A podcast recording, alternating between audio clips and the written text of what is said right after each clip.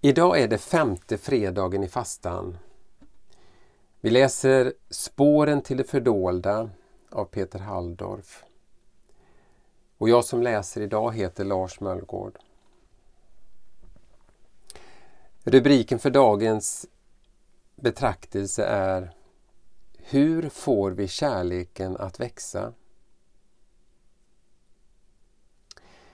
I Andra Korintierbrevet kapitel 5, vers 14 står det Kristi kärlek lämnar mig inget val.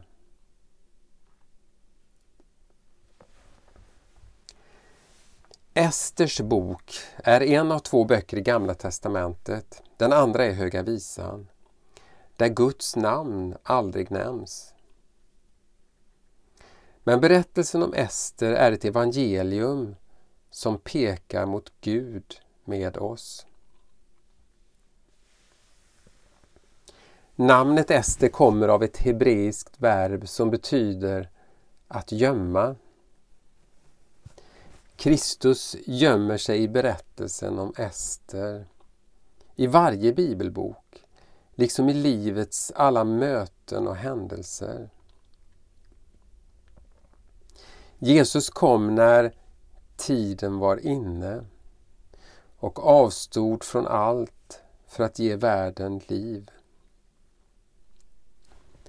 Ester fick sin ställning som drottning åt den persiske kungen Xerxes den förste på 480-talet före Kristus just för en stund som denna som hennes farbror Mordokaj uttrycker det.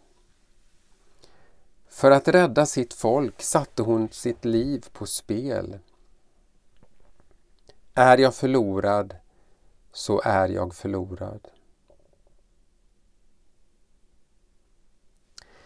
I Esters ord ryms hemligheten med Jesu liv och det innersta i den kristna kallelsen delaktigheten i Kristi offer.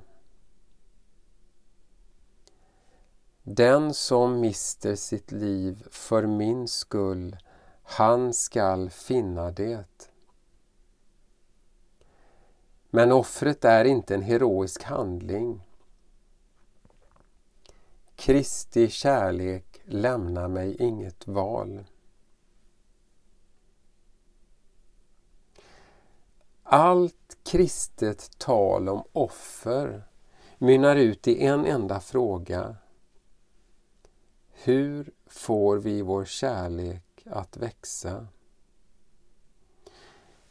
Utan den frågan blir offret enbart tragiskt. Jesus skulle dö av samma skäl som Ester för att Guds skingrade barn skulle samlas och bli till ett. Av allt det Jesus får utstå under sin sista vecka är det inget som förmår rubba hans kärlek. Därför blir hans död ett offer som försonar världen med Gud. Inga relationer, vare sig mänskliga eller gudomliga, består utan offer. Den som är förälskad offrar pengar, tid och sömn för den älskade. Hur skulle kärleken kunna mogna utan viljan att offra allt? Den avgörande frågan när Jesus närmar sig Jerusalem för att offra sig själv är också vårt livs ödesfråga. Att säga ja till kärleken är att mista sitt liv och finna det.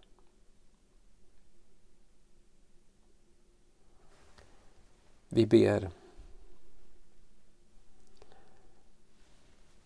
Herre, lär oss att leva i sann frihet, utan att vara slavar under avgudarna så att våra liv kan vittna om din generositet.